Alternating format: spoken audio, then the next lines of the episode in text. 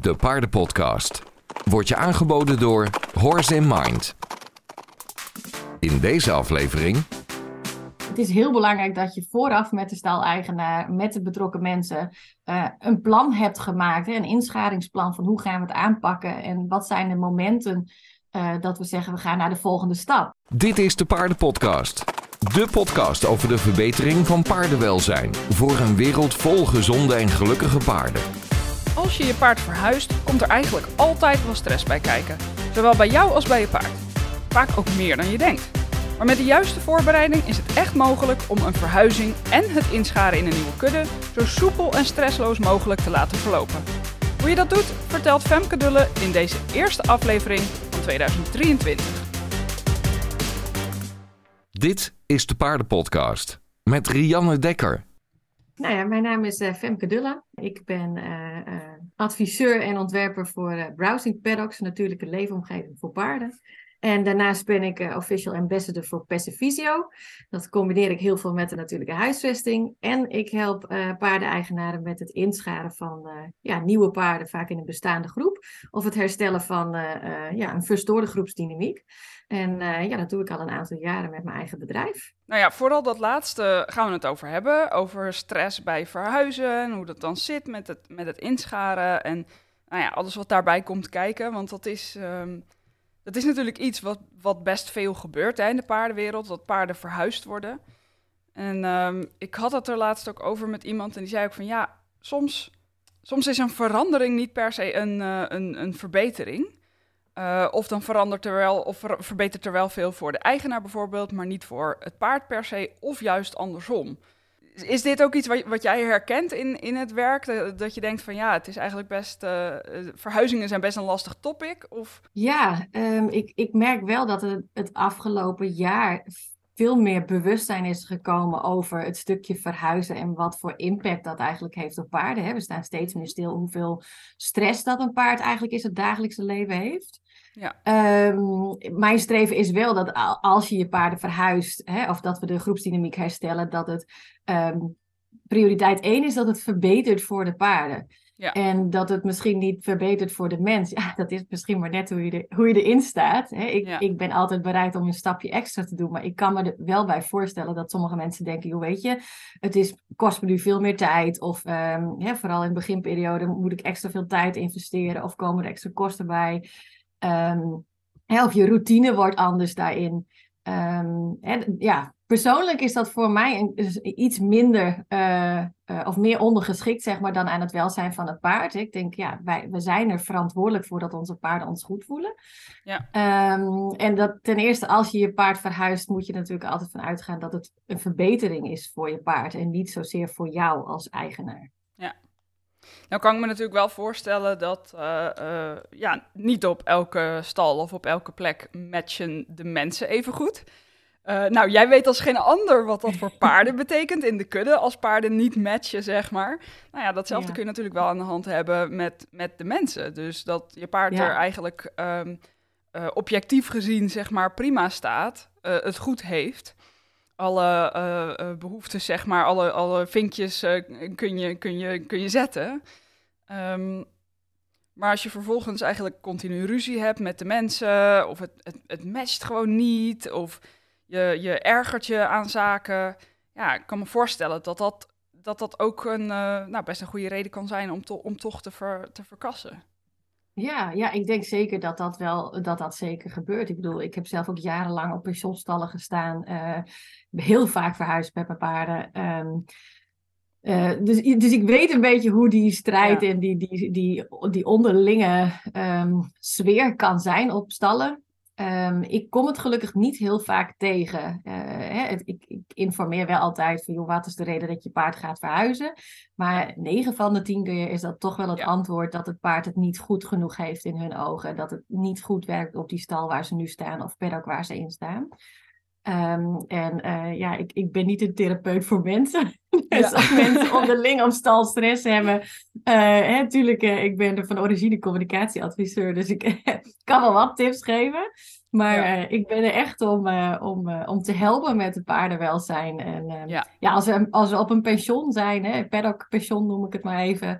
Um, dan is het wel belangrijk dat iedereen betrokken is. Want hè, als een, een pensionklant mij inschakelt, dan zeg ik ook altijd: joh, dat vind ik super fijn. Hè? En ik kan je daar absoluut in begeleiden. Maar het zou nog mooier zijn dat de staleigenaar uh, en de andere paardeneigenaren ook uh, betrokken zijn. Zodat we het met elkaar doen. Want voor mij gaat het niet om slechts één paard wat geen stress heeft. Maar het gaat om alle betrokken paarden in de groep. Ja, het is gewoon de hele kudde. Precies, ja. Ja. Hoe ben je hier eigenlijk zo opgekomen? Waarom ben je in, juist in dit topic, uh, weet je, stress rond verhuizen en inscharen gaan verdiepen? Um, ja, eigenlijk vanuit twee richtingen. Omdat ik zelf uh, heel veel verhuisd ben met mijn paarden. En twee, omdat ik heel vaak mijn studenten, hè, in mijn eerste carrière als instructrice uh, begon, heb ik heel vaak de verhuizingen begeleid van mijn studenten. Dus dat zijn eigenlijk de twee ja, routes die ik heb bewandeld, waardoor ik dit topic eigenlijk zo belangrijk ben gaan vinden. Ja. Uh, ik, ik, stelde van de week ook een vraag op social media: van, hoe vaak is jouw paard eigenlijk verhuisd in zijn leven? Um, en dat is, dat is toch best schrikbarend hoor. Als je de antwoorden ziet ja. dat de mensen gemiddeld tussen de drie tot zes keer hun paard wel verhuisd hebben. Dat was het merendeel. Uh, maar daarboven eigenlijk dat sommige mensen zeiden: joh, weet je, ik ben de tel kwijtgeraakt. Ja. Hè, dus dan zitten ze al boven de tien keer. Ja. En, uh, um, ja, en mensen denken dan als ik dit soort topics aanreik, dat ik dat zelf nooit heb gedaan of zo. Dat ik mijn paarden nooit verhuisd heb. Maar in tegendeel, ik heb ze heel vaak verhuisd. Hè. Mijn Shetlander is nu 26. Die is al 26 jaar bij mij. Uh, ik denk dat ik hem bijna 15 keer verhuisd heb in zijn leven. Ja. Uh, en dat is, hè, dat, is, dat is, als je dat kijkt over 26 jaar, 15 keer, nou, dat is net nog niet elk jaar. Maar hij is best in, in, in zijn leven vaak verhuisd. En ook mijn andere paarden heb ik tot wel zes, zeven keer uh, verhuisd. Ja. Dus ja, dat, en dat is voor mij altijd de reden geweest, uh, omdat het welzijn voorop stond, dat de huisvesting niet goed genoeg was. En dat ik ze dus weer naar een, een andere plek verhuisde.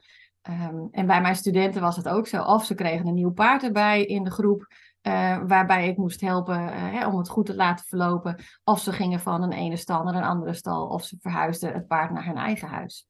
Um, en ik zag dat dat ja, zoveel stress gaf en dat er vaak ja, wordt uitgegaan van, och joh, weet je, hij is er even een dag, het lijkt rustig op, knal hem er maar bij in. Uh, ja. En vervolgens werd ik opgebeld, ja, je hoeft niet te komen voor les, want mijn paard is kreupel, want hij is uit de groep geslagen. Weet je, ja. dat soort dingen. En dat, ja, dat moet gewoon anders, want je kunt A, niet, niet leuk verder trainen met je paard, hè, dat toen ik nog instructrice was. Maar B, een paard heeft al zoveel stress in zijn leven met ons. Laten we dan alsjeblieft ervoor zorgen dat een van de grootste events die zoveel stress levert voor een paard, dat dat ook um, ja, met veel minder stress gepaard kan gaan. Ja. Denk je dat we verhuizingen onderschatten? Ja, ja, ja. absoluut. En als je nu ja, terugkijkt op, uh, op de verhuizingen die je zelf bijvoorbeeld gedaan hebt, denk je dan achteraf van, nou, ik ben, ik ben wel tevreden dat ik ze allemaal gedaan heb? Of denk je achteraf van, nou, ik zou toch wel willen dat ik, daar, uh, dat, ik dat anders had aangepakt? Of minder verhuisd? Ja. Of dan toch ja, maar genoegen nemen met goed genoeg in plaats van nog beter bijvoorbeeld? Ik kan me voorstellen um, dat dat ook een lastig dilemma is. Dat je dan ja, ziet van, ja, oké, okay, weet je, is het, het genoeg? Het, nou ja, weet je, het is, of je, als je paard gewoon gezond en blij is, zeg maar, dan heb je natuurlijk, kun je altijd kijken van, oké, okay, dit is in principe goed, maar er is een andere plek waar het nog beter is. Ja, ga je dan voor, neem je dan de, de zeg maar de stress van verhuizen en dat soort dingen, uh, ja, voor lief, even tussen aanhalingstekens, en dan toch voor de verbetering gaan? Of beslis je dan om op, gewoon op de plek te blijven waar je bent? Ik kan me best ja. voorstellen dat dat een moeilijk dilemma is. Dat is het zeker. En dat is ook per situatie um, ja, anders. Dat is, ja. dat is gewoon heel individueel ook. Als ik kijk naar mijn verhuizingen, dan zou ik het liefst dat ik minder had hoeven verhuizen. Uh, mijn Shetlander heeft onnodig vaak uh, verhuizingen meegemaakt. Hè? Dat had echt niet 15 keer in zijn leven gehoeven. Daar, ja. Dat zou ik echt anders doen. Maar als ik kijk naar het groepje wat ik op een gegeven moment had toen ik er drie had. Um, toen hebben we ze echt bewust verhuisd omdat we met een groep van zeven paarden waren. Um, en dan hadden we in de zomerperiode hadden we een, um, een, een, natuurgebied. Waar ze met z'n allen naartoe gingen. En in de winter zochten we een winterstalling, want in dat natuurgebied mochten ze niet overwinteren. Maar dan gingen we met een groep van zeven paarden op zoek naar een plek waar ze ook met z'n allen uh, in, een, in een grote loopstal met een uitloop konden staan. En zo verhuisden we eigenlijk twee, drie jaar lang tussen winter- en zomerstalling. Ja. Um, hè, en dan, A, je moet omdat je niet in het zomergebied kunt blijven. Maar uh, B, het is met een groep, dus dat is vaak ook alweer net even anders dan wanneer je een enkel paard gaat verhuizen. Um, en de andere keren dat ik verhuisd ben, was echt voor het verbeteren van welzijn. Dat ik op een locatie nog maar drie maanden stond. En dat leek allemaal roze geur en maneschijn, totdat je daar daadwerkelijk staat en mensen hun afspraken niet nakomen. En binnen drie maanden had ik een pony met zandkoliek. Ja. Hè, dat, dus dat zijn allemaal redenen van, joh, wanneer ga je wel, wanneer ga je niet? Ja. En ik denk dat dat voor iedereen um, ja, verschilt. Um, maar voor mij persoonlijk Um, nou, als ik terugkijk, denk ik dat ik een aantal verhuizingen echt wel blij mee ben dat ik dat gedaan heb en ook de manier waarop. Uh, maar in mijn eerdere jaren, in mijn jongere jaren met, uh, met ponies, uh, had ik het wel echt anders willen doen. Ja, ja. duidelijk. Als het dan gaat om, um, om het verhuizen zelf. Kijk, je zei al van nou, mensen die denken van nou, het is een beetje een paar dagen onrustig en dan kan ik hem wel weer oppakken. Uh, wat, wat zie jij daarin? Hoe lang heeft een paard eigenlijk nodig om te wennen aan een nieuwe plek? Ja, dat is een goede vraag. Um, zes tot twaalf maanden heeft een paard eigenlijk nodig om te acclimatiseren op een nieuwe plek in een nieuwe groep. Um, en dat nog los van de veranderingen die tussendoor allemaal uh, nog komen. Ja. maar um, doordat het eigenlijk een lange termijn stress is, dus een vorm van chronische stress, wat wij aan de buitenkant niet heel snel zien, uh, lijkt het alsof het paard zich al heel snel oké voelt en bij die groep in kan. Um, en ik vergelijk dat eigenlijk een beetje met het, het voorafgaan aan een burn-out bij ons. Ja. Um, hè, aan de buitenkant zie je vaak niet zoveel aan die persoon. Hè. Hij krijgt misschien steeds wat meer vage fysieke klachten. Uh, soms is hij wat neergeslagen. Maar als je diegene niet heel goed kent of je staat niet heel dicht bij die persoon, dan zul je niet direct in de gaten hebben dat diegene een uh, burn-out heeft. Maar die heeft op langere termijn al chronische stress ervaren. Ja. Um, betekent niet per se dat je niet uh, op dat moment kunt functioneren, maar dat je wel stress hebt en als je daar niks aan doet, dat het gevolg dus erger is. En dat is wat ik ook zie bij paarden die verhuizen, is dat we eigenlijk te snel die stappen willen gaan doen van oké, hij gaat in de nieuwe groep. Um, we gaan weer trainen. We doen als eigenlijk uh, binnen twee weken niks aan de hand is en dat het paard hier gewoon zijn hele leven al heeft gestaan. Uh, ja. En dat is allemaal opeenstapeling van stress. Um, en daarnaast heeft zo'n paard natuurlijk ook de kans nodig om zijn nieuwe groep te leren kennen. Ja, wij gooien tegenwoordig alles en iedereen qua rassen en culturen maar gewoon bij elkaar. Um, ja, ze hebben zelf geen enkele keuze natuurlijk. Nee, nee, weet je, de hele autonomie van het paard is weg. Ja, ja. precies. Ja. En uh, nou ja, je zegt tussen de 6 en 12 maanden. Um, ik uh, vermoed dat er dan ergens daarvoor al wel een moment is waarop je weer kan weet je, beginnen met trainen en oppakken en dat soort dingen. Um, wat is voor jou het moment dat je zegt van nou, nu is een paard wel weer klaar om, uh, om lekker wat te gaan doen? Um, ja, het is ook weer zo'n zo'n uh, individuele situatie. Want er zijn paarden die gewoon echt heel veel baat hebben om wel iets te gaan doen.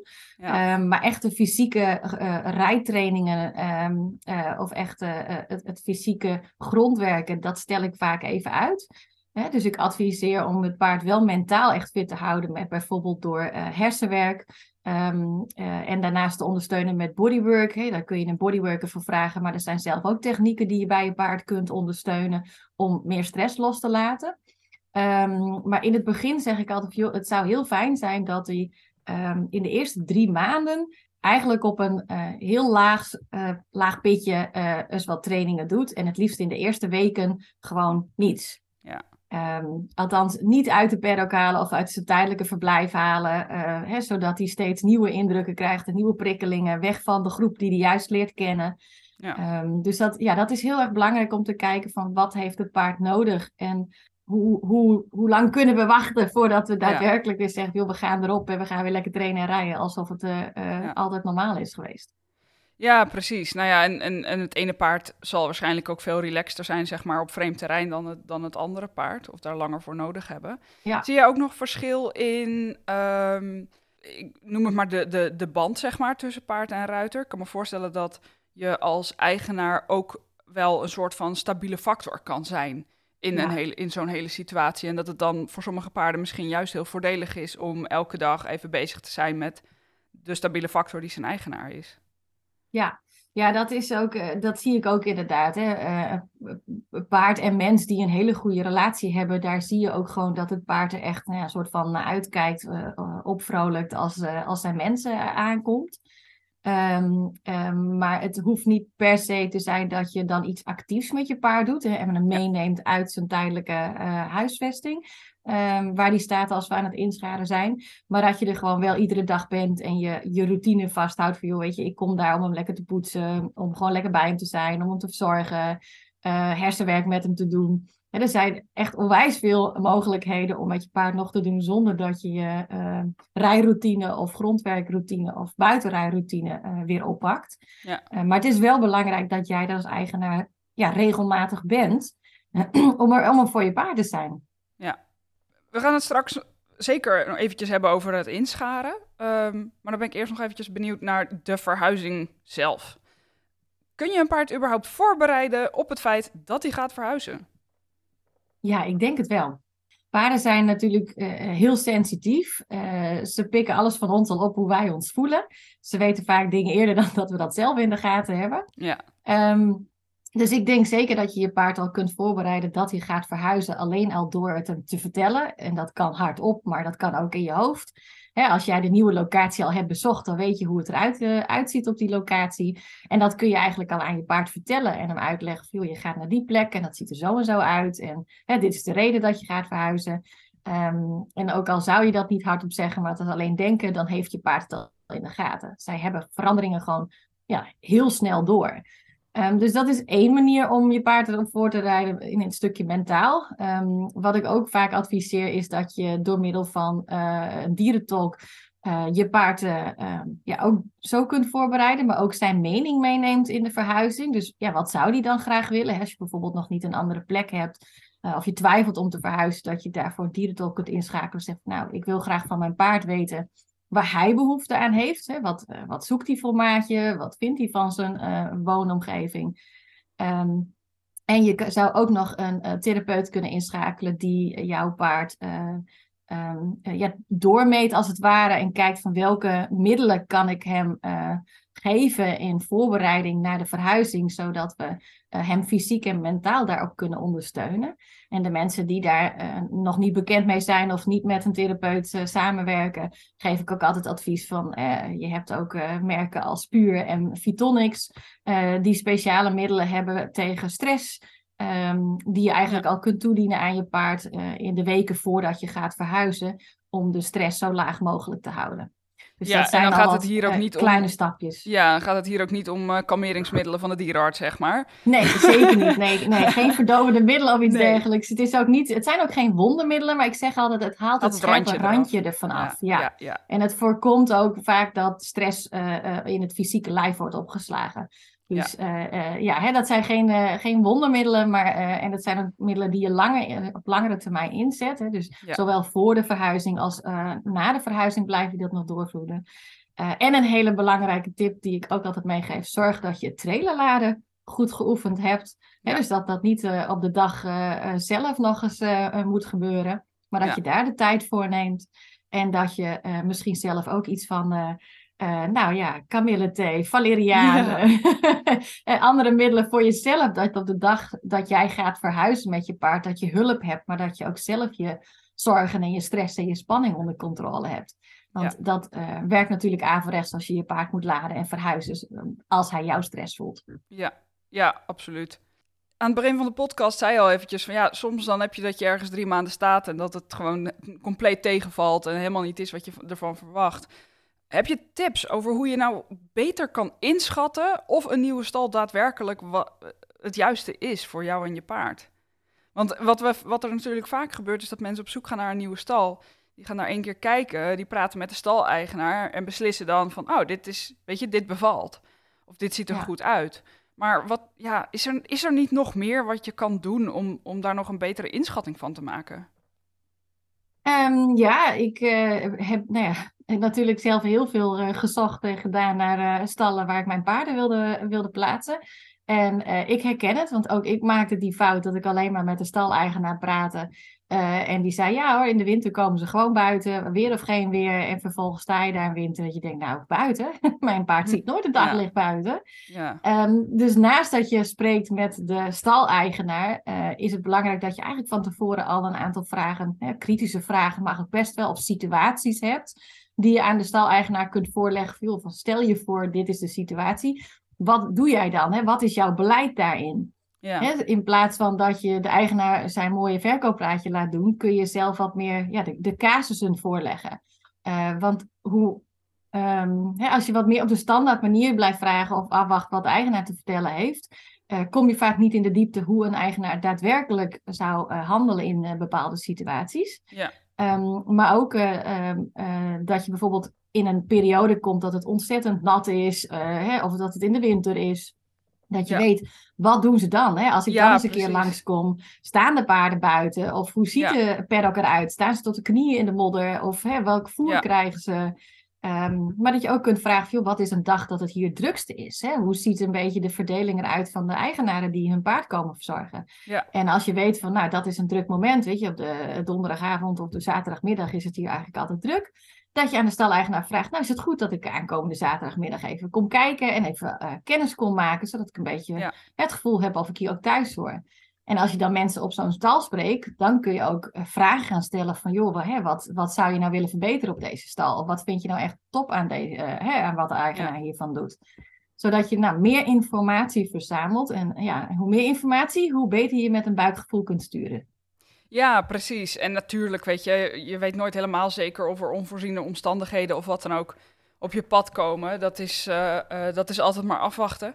Maar nou ja, het is wel fijn als je in ieder geval een iets meer geïnformeerde beslissing kan maken, natuurlijk. Ja. Oké, okay, dus dan heb je die verhuizing. Je hebt een stal uitgezocht en je hebt mensen gesproken. En je denkt, dit is echt een toffe verbetering voor ons allebei. Um, het trailerladen geoefend, de verhuizing zelf is, uh, is goed gegaan en dan kom je aan op de nieuwe stal. Wat is dan het eerste wat je doet? Nou ja, voordat je verhuisd bent, zit er eigenlijk nog een stukje aan vast. Is dat je zorgt dat de tijdelijke plek waar je paard komt te staan al helemaal klaar is op het moment dat jij aankomt met je paard. He, dus uh, zijn paddock uh, met schuilstal en eten en water moet al helemaal klaar staan. En op het moment dat jij met je paard uit de trailer komt, wil je eigenlijk direct naar die plek toe gaan. Hè, zodat je daar even kunt wandelen. Als het nou echt heel erg klein is, dan raad ik aan om eerst even bijvoorbeeld uh, um, ja, naar een veilige ruimte te gaan, zoals een rijbak. Maar in ieder geval iets waar hij de andere paarden al kan zien, maar niet in de buurt kan komen. Uh, en dat je even ook met nog, hem ook kunt nog stappen. niet kan neuzen? Nee, nee, nee, ook geen fysiek contact hebt. Ja. Dus het liefst is een tijdelijke huisvesting even lekker met hem stappen, totdat je merkt dat de adrenaline eh, verdwijnt en dat, je, eh, dat hij rustig staat te eten en dat je denkt van nou weet je, hij is oké, ik kan eh, hem losklikken. Ehm, en ik blijf misschien nog even in de buurt. En ik zeg ook wel eens, hè, als je een paard hebt wat heel veel spanning bij zich heeft en dat lastig vindt, werk dan bijvoorbeeld nog even met het halster aan als je hem losklikt. Hè, ik ben geen voorstander van permanent een halster aan, maar hè, bijvoorbeeld een veiligheidshalster of een weidehalster. Of tijdelijk op de dag dat je hem brengt, dat hij nog even het halster aanhoudt. Dan kun je snel ingrijpen als hij wel weer in de adrenaline schiet en dat je hem weer vast kunt klikken. Ja. Maar dan is het eigenlijk belangrijk dat je hem ja, net zo lang bij hem blijft en net zo lang met hem blijft wandelen totdat hij kalm is. Want wat ik vaak zie of hoor en uh, ook meegemaakt heb, is dat mensen uh, bij dag van aankomst de paard uh, meenemen, in de paddock losklikken en het paard gaat als een malle tekeer in die paddock. Um, en dat is, hè, dat is korte termijn stress, dat is adrenaline. Ja. En dat is gewoon stress. De, en dat wil ik niet. Hè. Dat, dat hadden we kunnen voorkomen door je paard goed te begeleiden en te zorgen dat hij de tijd en ruimte krijgt om die spanning af te laten vloeien. Ja. Um, en dat is iets wat ik absoluut niet zou aanraden. Dus ja, zorg dat je bij hem blijft. Jij bent op dat moment zijn enige uh, uh, herkenbare, vertrouwbare, betrouwbare uh, basis. Dus blijf net zo lang bij hem en hou net zo lang aan het lijntje met hem wandelen totdat hij rustig is. Ja, nou ja, en um, ik zei van, je, je bent dan verhuisd en het is allemaal goed gegaan. Maar in, behalve dit stukje voorbereiding, zeg maar, zit er misschien nog wel een tweede stukje voorbereiding in. En dat is misschien eigenlijk gewoon wel overleggen met staleigenaar en stalgenootjes hoe je wil dat, het, dat het inscharen verloopt, hè? Precies, Want op ja. veel stallen die hebben gewoon hun eigen protocol. Die, die, die doen het altijd op een bepaalde manier. En ik Ja. snap wel dat als er een nieuw, nieuw iemand komt en die zegt ik wil het zo hebben, dat, er, dat je dan wel een beetje aangekeken wordt van eh, en, en wie, wel, wie ben jij wel niet, zeg maar. Wie denk je wel niet dat je bent? Ja, nou, dat is jammer hè, dat dat gebeurt. Want ik denk, je, eh, weet je, als iemand met iets nieuws komt, dan ben ik altijd heel erg nieuwsgierig. Van, joh, nou, als ik dat nog helemaal niet ken, eh, laten we eens kijken en laten we eens proberen. Maar eh, ja, de cultuur onder de gemiddelde staleigenaar, weet je, ik wil niemand voor het hoofd stoten, maar de gemiddelde staleigenaar, en zeker nog in de traditionele kant, die stoot je echt voor het hoofd als je zegt, joh, Ja. ik wil het graag op een andere manier dan dat Ja. jij twintig jaar lang al hebt gedaan. Eh, en dat is wel heel erg jammer dat dat soort mensen er niet voor openstaan om het, om het anders te proberen.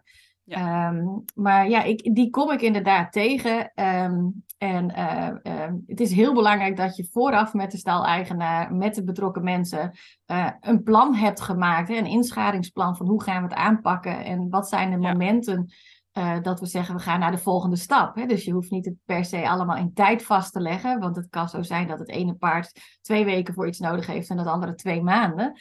Ehm, hè, maar dat je zegt, nou, op het moment dat we dit zien, dan kunnen we eigenlijk door naar de volgende stap. Maar dat je de stappen helder hebt en dat je weet van, oké, wanneer is het goed genoeg om door te gaan naar de volgende stap. Ja. Ehm, dus ja, dat inschadingsplan hoort eigenlijk nog bij de voorbereiding inderdaad. Dus voordat je bent verhuisd, zodat je dat ehm, scherp Ja. hebt en dat je weet dat de neuzen dezelfde kant op staan.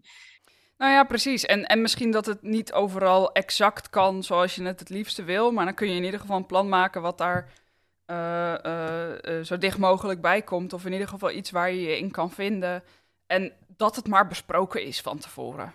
Ja, ja, ja, want niet iedereen bespreekt het van tevoren. En, en nou ja, toen ik nog En dan veel kom je les aan gaf, en dan denk je... Ja, oh, hij wordt er meteen ja. bijgegooid. Ja, Ja, nee, mijn, ja, mijn studenten van vroeger ook, die, die zeiden dan, dan vroeg ik ook veel, heb je ook gevraagd hoe dat inscharingsproces gaat? Nee, nee, nee, weet ik eigenlijk niet. Dus die kon ik sturen en die kon ik begeleiden. En eh, dan, en dan kwam ik ook mee eh, vooraf naar de locatie om te kijken van hoe gaan we de plek inrichten waar het paard tijdelijk komt te staan.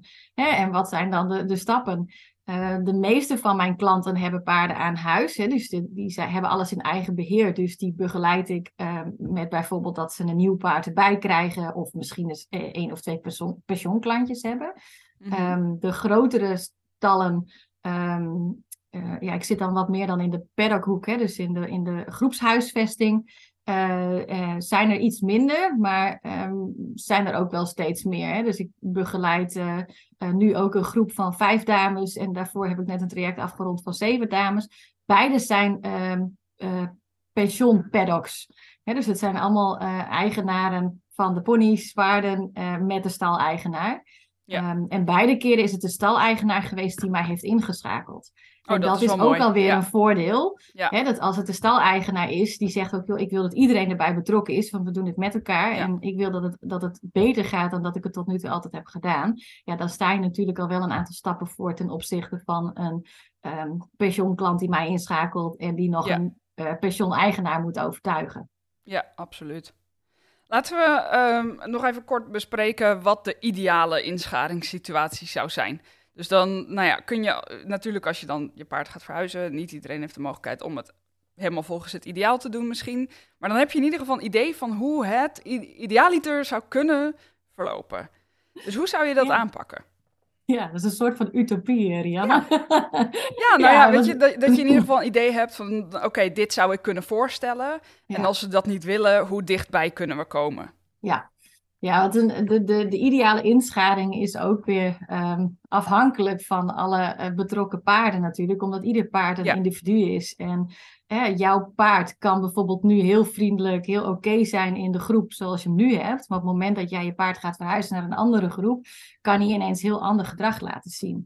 Dus het- dat zegt niet altijd zoveel over de, de verhuizing, hoe jouw paard dan in een nieuwe groep zou kunnen zijn. Ja. Maar de, nou ja, de meest ideale situatie van een verhuizing is dat je hem ruim van tevoren dus hebt voorbereid. eh, zowel fysiek als mentaal als in het trailerladen, als het bedenken van een inschadingsplan. Eh, eh, en ik zeg altijd minimaal twee weken van tevoren, het liefst eh, zelfs nog wat eerder. Dat je op de dag van de verhuizing uh, het trailerladen perfect gaat. Want dat heb je goed kunnen oefenen. Je paard heeft daar sowieso al geen stress van. Uh, dat je een, een, team van mensen om je heen hebt die je helpen bij de verhuizing. En die vooral jou ook kunnen opvangen als je te veel stress hebt. Um, en dat je op de dag van aankomst, uh, dat de, de tijdelijke paddock, de huisvesting eigenlijk helemaal in orde is. Um, dat je daar ook dus je paard even lekker kan laten wandelen. En dat die huisvesting bijvoorbeeld, die tijdelijke huisvesting ook zo gesitueerd is. Dat jouw paard uh, parallel kan bewegen uh, aan de groep waar die uiteindelijk bij inkomt. Want soms kom ik wel eens op plekjes waar een paard dan net even wat achteraf staat. En als de groep dan helemaal achterin staat, uh, ja, dan kan dat nieuwe paard niet, niet meedoen als het ware. Ja. Dus dat is ook een hele belangrijke. Uh, en dat als je paard er is, dat je um, een, een, dubbele draad ertussen hebt. Dus dat ze nog geen fysiek contact kunnen hebben. Sowieso niet de eerste week. Um, um, maar, hè, als ik het niet begeleid, zeg ik altijd: veel zorg dat je in ieder geval twee weken even apart houdt. Ja. Als dat goed gaat, dus de rust is er wat. En je ziet dat je paard, het nieuwe paard, wat uh, hè, zijn routine begint te vinden. Uh, uh, dan uh, kun je kijken van nou kunnen we wat oefeningen doen. Um, kunnen we bijvoorbeeld wat mest ook gaan wisselen met de paarden, zodat ze wennen aan elkaars geur. Kunnen ze van elkaar afkijken hoe de groepsdynamiek is, hè, wat voor regels er in de groep zijn. het tweede draadje gaat er tussenuit en dan zien we eigenlijk dat het nieuwe paard um, synchroniseert met het gedrag van de groep waar die bij inkomt. En dat moet hij eigenlijk het liefst zo snel mogelijk doen. Dus in de ideale situatie komt het paard op de nieuwe locatie. Uh, en vanwege het gevoel dat hij veilig wil zijn, um, moet hij eigenlijk zo snel mogelijk synchroniseren met de nieuwe groep. Uh, om daarbij te passen en niet uh, het ja. derde wiel aan de wagen te zijn. en wat, wat, houdt dat precies in? Wat, wat zie je dan, zeg maar? Wat gebeurt er? Nou ja, synchronisatiegedrag is uh, heel, heel plat gezegd, is dat het paard uh, hetzelfde doet als de andere paarden. Hè? Dus uh, ja. samen eten, samen slapen, samen bewegen naar bepaalde plekken waar ze gaan eten of rusten. Um, maar het kan eigenlijk veel, veel verder gaan dat paarden um, um, nou ja, als wij uh, uh, marcheren hè, als korps zijnde, dan doen we allemaal links de been uh, als eerste naar voren en dan lopen ze links, links. Weet je, op dezelfde ja. manier met elkaar bewegen. Nou, zo zou je dat ook een beetje kunnen vertalen naar de paarden. Dat als ze met elkaar eten en bewegen, of bijvoorbeeld op rust staan, dat ze dan op hetzelfde voetje op rust staan. Hè, dus ja. dat, dat, dat dat synchroniseert aan elkaar. En onze paarden zijn natuurlijk allemaal verschillend. Verschillende rassen, verschillende kleuren, verschillende hoogtes. Dus het wordt al heel erg lastig om te synchroniseren met elkaar en niet op te vallen. Ja. Ja, als je allemaal hetzelfde bent, ik noem altijd maar even de zebra als voorbeeld. Ja, als je daar uh, een groepje van tien bij elkaar ziet staan, dan denk je, hmm, ik weet niet zeker hoeveel het er zijn. Hè, want het, het, het, valt niet op. Ze zijn zo uh, geblurred met elkaar. Ja. Dat je uh, heel ja, makkelijk dingen over het hoofd ziet. En zij vallen dus niet op. Ja. En dat is ook het doel van synchroniseren. Is dat je niet opvalt. En daardoor ja. dus een grotere maat van veiligheid kunt waarborgen. Ja, dus oké, okay. op een gegeven moment is er, nou ja, je ziet dat synchronisatiegedrag. Uh, het tweede draadje is er tussenuit. En dan? Nou ja, als dat synchronisatiegedrag uh, het perfecte plaatje geeft uh, um, en je hebt uh, bijvoorbeeld oefeningen gedaan aan de hand. Hè, als ik een inschaling begeleid, dan krijgen ze van mij ook oefeningen als paarden bijvoorbeeld niet, niet goed met elkaar gaan. In de ideale situatie hoef je dat ook niet te doen, want de paarden synchroniseren direct. Het gebeurt niet heel vaak, dus die oefeningen zijn eigenlijk om te kijken van, nou ja, wat is de grens van uh, de persoonlijke bubbel van uh, beide paarden? Ja. Um, hè, dat ze wel of niet bij elkaar in de buurt zijn. Um, en hoe kunnen we dat uiteindelijk uh, wat meer naar elkaar toe brengen? Zodat er altijd een, een, een, grens wordt aangegeven tussen paarden. Um, en als dat dan goed gaat, dan gaat het tweede draadje ertussen uit. En dan gebeurt er eigenlijk helemaal niks. Oftewel, het draadje is Alsof weg. het altijd gewoon zo geweest Precies, ja. ja. Ik, ik zeg ook altijd, ja. saai is goed. Hè? Mijn ja. motto met inscharen is dat eh, zolang jij denkt, joh, wat duurt dit lang en wat is dit saai, dan zijn we op de goede weg. Ja. Als er van alles gebeurt, dan uh, zijn we niet op de goede weg, want dan is er eigenlijk te veel stress, te veel onrust. Um, en op het moment dat die paarden bij elkaar gezet worden, uh, dan ja, gebeurt er gewoon niks. Ze blijven hun ding doen, want ze zijn al aan het synchroniseren. Dus als ze op dat moment gewoon lekker aan het eten zijn, dan zijn ze lekker aan het eten. Ze hebben met dat draadje, die enkele draad, hebben ze natuurlijk al fysiek contact gehad. Dus er is al gegroemd onderling. Er zijn al wat contacten gelegd met paarden die elkaar uh, wat leuker vinden dan bij de andere paarden. En de paarden die elkaar wat minder leuk vinden, houden ook wat meer afstand. En dat draadje gaat weg en ja, weet je, verandert niks. Dus hij blendt erin. En ehm, Ja. je ziet eigenlijk geen vuurwerk. Je ziet geen stress. Er wordt niet ge- gegalopeerd, gedraafd, gerend, gevliegd, gebokt, gedaan Ja. over de treks of over de weilanden. Zelfs niet vijf minuten. Nee, er gebeurt gewoon niks. Dat is de ideale eh inscharing. Nou ja, een hele logische vervolgvraag is natuurlijk: wat als er wel vuurwerk is? Wat als je denkt met de draad ertussen, nou, dit gaat helemaal fantastisch. En je zet ze vervolgens samen en er is, en er is toch vuurwerk. Ja, nou dan zijn er dus al wat signalen gemist dat je ze nog niet had kunnen samenzetten. Zetten. Ehm, mocht je dus geen begeleiding hebben, mocht dat gebeuren, eh, is het heel belangrijk dat je ze eh, eh, ja, direct uit elkaar kunt halen. Ehm, hè, dus eh, ehm, ondanks dat ik zie dat alles volgens het ideale boekje zou gaan, neem ik altijd nog steeds maatregelen om te kunnen ingrijpen als er al vuurwerk ontstaat. Hè. Dus je moet ook altijd nadenken over wat als. Dus eh, Ja. dat je bijvoorbeeld eh, als een paard wel eh, achterna wordt gezeten, dat ik op een gegeven moment ergens een draad heb hangen die ik kan spannen, hè, waardoor ik het paard kan splitsen van de ander. Ehm, hè, dus dat soort manieren hangt ook weer af van de hele inrichting van waar ze staan natuurlijk. Maar nou, Ja. denk erover na van, stel je voor ik zet ze bij elkaar en wat zou er dan gebeuren als het misgaat? En hoe zou ik dan kunnen ingrijpen? Dus het moment dat ze samengevoegd worden, heb ik bijvoorbeeld ook veiligheidshalsters aan. Dat, als het misgaat dat, en ik moet paarden vastpakken, dat ik niet dan nog eens een halster ergens eh, vandaan moet halen of om dat hoofd moet zien te krijgen terwijl er heel veel adrenaline is. Maar dat ze dan al veiligheidshalsters om hebben waarbij ik ze meteen eh, weer kan vastklikken en, eh, en, en uit elkaar kan halen. Ja. Dus dat, ja, dat is wel heel erg belangrijk. En als je vuurwerk ziet, haal ze gewoon meteen uit elkaar. En Ja. uiteraard heel belangrijk denken om je eigen veiligheid. Ja, absoluut. Absoluut. Veiligheid staat voorop natuurlijk. Zowel van Ja, paard als, eh, als, eh, als eigenaar. Ja. Nou, er zijn echt immens veel wat als vragen die ik zou kunnen stellen. En dan zijn we straks anderhalf uur bezig. Eh, maar mijn doel is toch om de podcast binnen drie kwartier te houden. Ehm, eh, maar ze kunnen natuurlijk gewoon bij jou terecht, wemkedulle.nl. En zonder de trema op de O, want dat kan niet in een Denk je? Kan niet op de nee. Maar mocht je dus dit luisteren en denken... oh, ik heb allemaal tig vragen over de verhuizing en het inscharen... dan, dan kun je natuurlijk gewoon bij Femke terecht voor, eh, voor advies. Nog wel één, eh, één vraag voordat we een beetje richting, eh, richting het einde gaan... richting wat afsluitende vragen.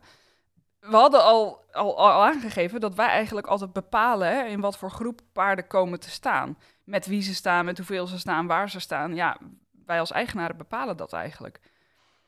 Wat nou als het gewoon niet klikt, zeg maar, met, met één paard uit de kudde bijvoorbeeld. Ik bedoel, ja, het kan natuurlijk best voorkomen dat twee paarden in een kudde elkaar gewoon echt niet mogen. Hoe, Ja, wat dan? klopt. Ja, die situaties maak ik ook altijd mee. Ehm, of altijd. Eh, die maak ik ook wel eens mee. Ja. Ehm, juist dat is het trickyste. Hè? Mensen willen zo graag dat het werkt. Ehm, maar het komt best vaak voor dat het niet werkt. Dus bij het begin van zo'n inscharingstraject geef ik ook altijd aan. Hou in je achterhoofd rekening mee dat er een moment kan zijn dat ik zeg: joh, weet je, er is één paard wat niet in de groep matcht. Die heeft heel veel stress, maar dat betekent dat niet alleen hij stress heeft, of zij, maar dat de hele groep daar last van heeft. Ja, en dat hoeft niet altijd het nieuwe paard te zijn. Sterker Nee, nog, dat is regelmatig niet. gewoon een paard eh, wat al in de kudde stond. Ja, Ja, precies. Ja. En dan is het, hè, als het een pensionstal is, eh paddock is, hu- groepshuisvesting, dan geef ik ook aan, van, joh, weet je, je eh, dat paard wat de stress veroorzaakt, eh, dat is het eh, eh, ideaalst gezien dat die eruit gaat en een andere plek krijgt. Ehm, dus je gaat kijken wat voor opties hebben we dan. Nou ja, dan kan zo'n eigenaar zeggen, ik wil dat diegene toch een andere plek gaat eh, zoeken, verhuizen. Ehm, ik heb ook stal-eigenaar gehad die zei van, nou, dan ga ik een tweesplitsing maken. Dus ik heb de ruimte en de mogelijkheid om twee groepshuisvestingen te creëren. Ja. En dat is natuurlijk voor zo'n stal-eigenaar ook wel een eh, goede oplossing. Want als je dan nieuwe pensioenklanten krijgt, dan kan je kijken van, nou, in welke groep past dat nieuwe paard Ja. eh, dan bijvoorbeeld beter. Ehm, ik heb het ook natuurlijk met eh, klanten die paarden aan huis hebben. Ja, en dan kan ik zeggen, joh, weet je, dat paard moet uit je groep, dus verkopen maar. Maar goed, weet je, dat zou ik zelf ook niet, niet zomaar doen. Ja. Dus dan is het ook altijd kijken naar van wat zijn de oplossingen. En zo had ik laatst een traject waar we bij met eh, twee paardjes, ja, eh e-ponies en een Shetlander. En die twee e-ponies, die gingen absoluut niet samen. Ehm, maar de Shetlander ging wel samen met de twee e-ponies. Dus uh, op mijn advies, uh, inclusief met een ontwerp van mij, hebben we een, een, een, een natuurlijke huisvesting, een Paddock Paradise, gecreëerd. Waarbij beide E-ponies hun eigen plek hadden. En waarbij de Shetlander onder de draden door kan uh, naar beide paarden toe. Dus ze konden met z'n drieën nog steeds als een groep functioneren en synchronisatiegedrag uitoefenen. Omdat de huisvestingen zo op elkaar afgestemd waren Ja. dat ze alles nog samen konden doen. Uh, en met rekening houden met de toekomst dat mochten ze al een andere groepsamenstelling krijgen, dat je gewoon één groot Paddock Paradise uh, ervan kunt maken. Ja. Dus het is, ja, het is of uh, paard eruit, um, zodat het voor de hele groep en dat paard wat stress heeft verbetert. Ja. Maar ik zou eigenlijk nooit zeggen, laat dat paard er maar in en kijk maar hoe het over een, een tijdje is. Of ja, je Ja. moet hier maar mee dealen. Want één paard stress betekent allemaal stress. Via Instagram kwam er nog, uh, uh, nou, zijn er nog twee vragen ingestuurd van tevoren. De een die uh, is al beantwoord. Dat ging over, oké, weet je, wanneer is het goed? Wanneer is inschaling gelukt? Nou, ik denk dat we daar wel een antwoord op hebben. Um, een andere vraag is dat het paard de taal niet lijkt te begrijpen van de kudde, zeg maar. Als het, nou ja, misschien niet gesocialiseerd is of wat dan ook. Wat doe je dan? Ja, nee, dat, dat gebeurt dus best wel heel vaak. En uh, niet per se dat ze de taal van de, van de groep niet begrijpen, maar dat je dus zoveel verschillende culturen hebt. Of ja. dat je paarden hebt met verstoord gedrag.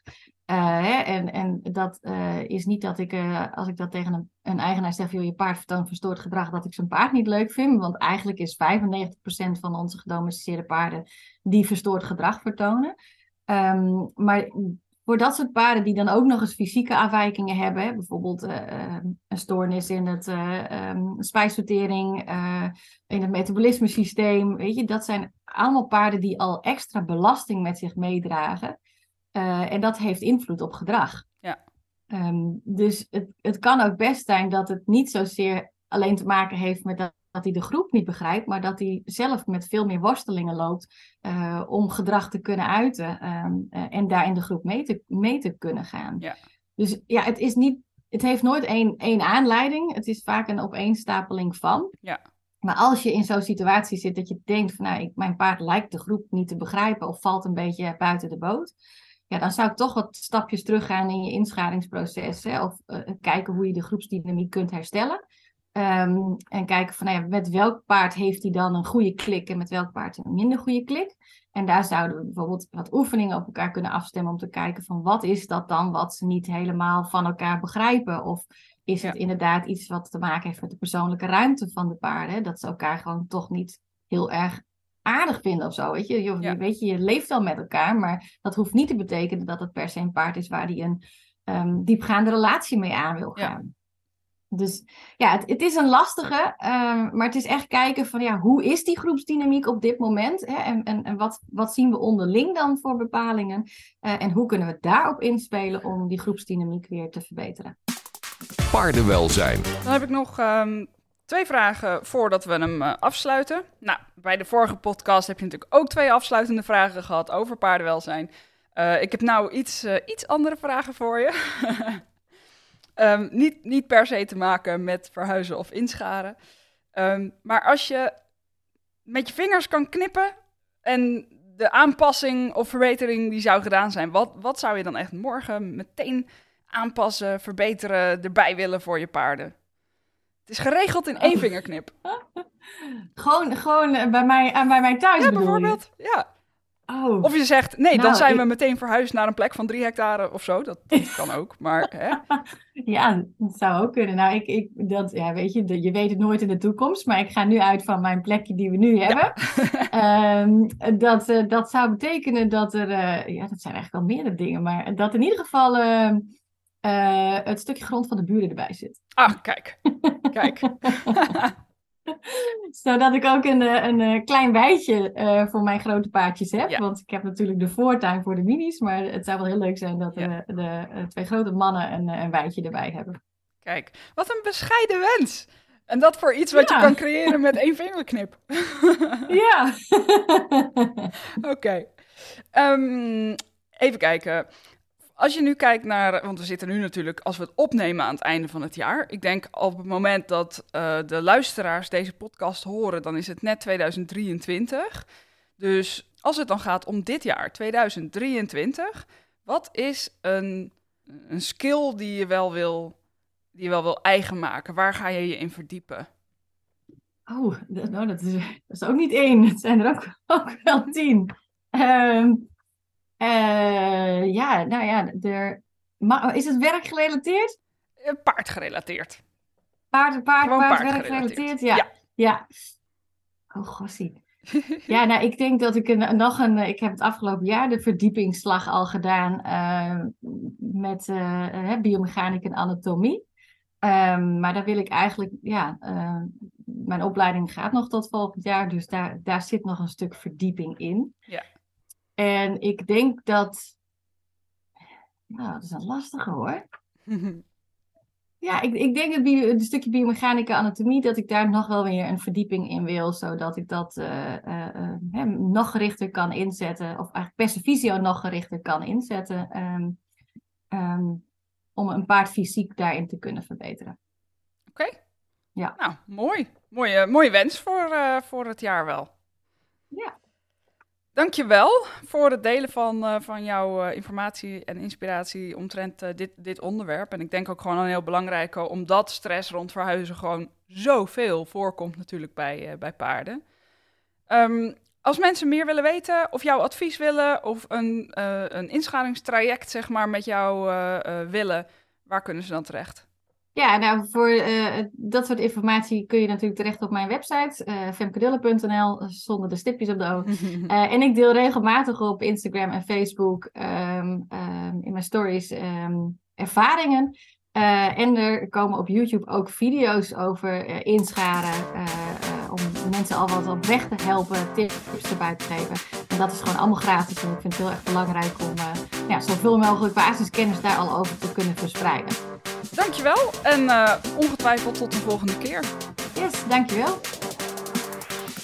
Vond je deze podcast interessant? Dan zou ik het heel leuk vinden als je mijn handje wil helpen om nog meer paardeneigenaren te inspireren. Kun je bijvoorbeeld doen door deze podcast te delen op social media.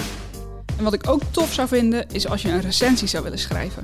Dat kan via jouw podcast-app of via het kopje recensies op de Facebookpagina van Horse in Mind.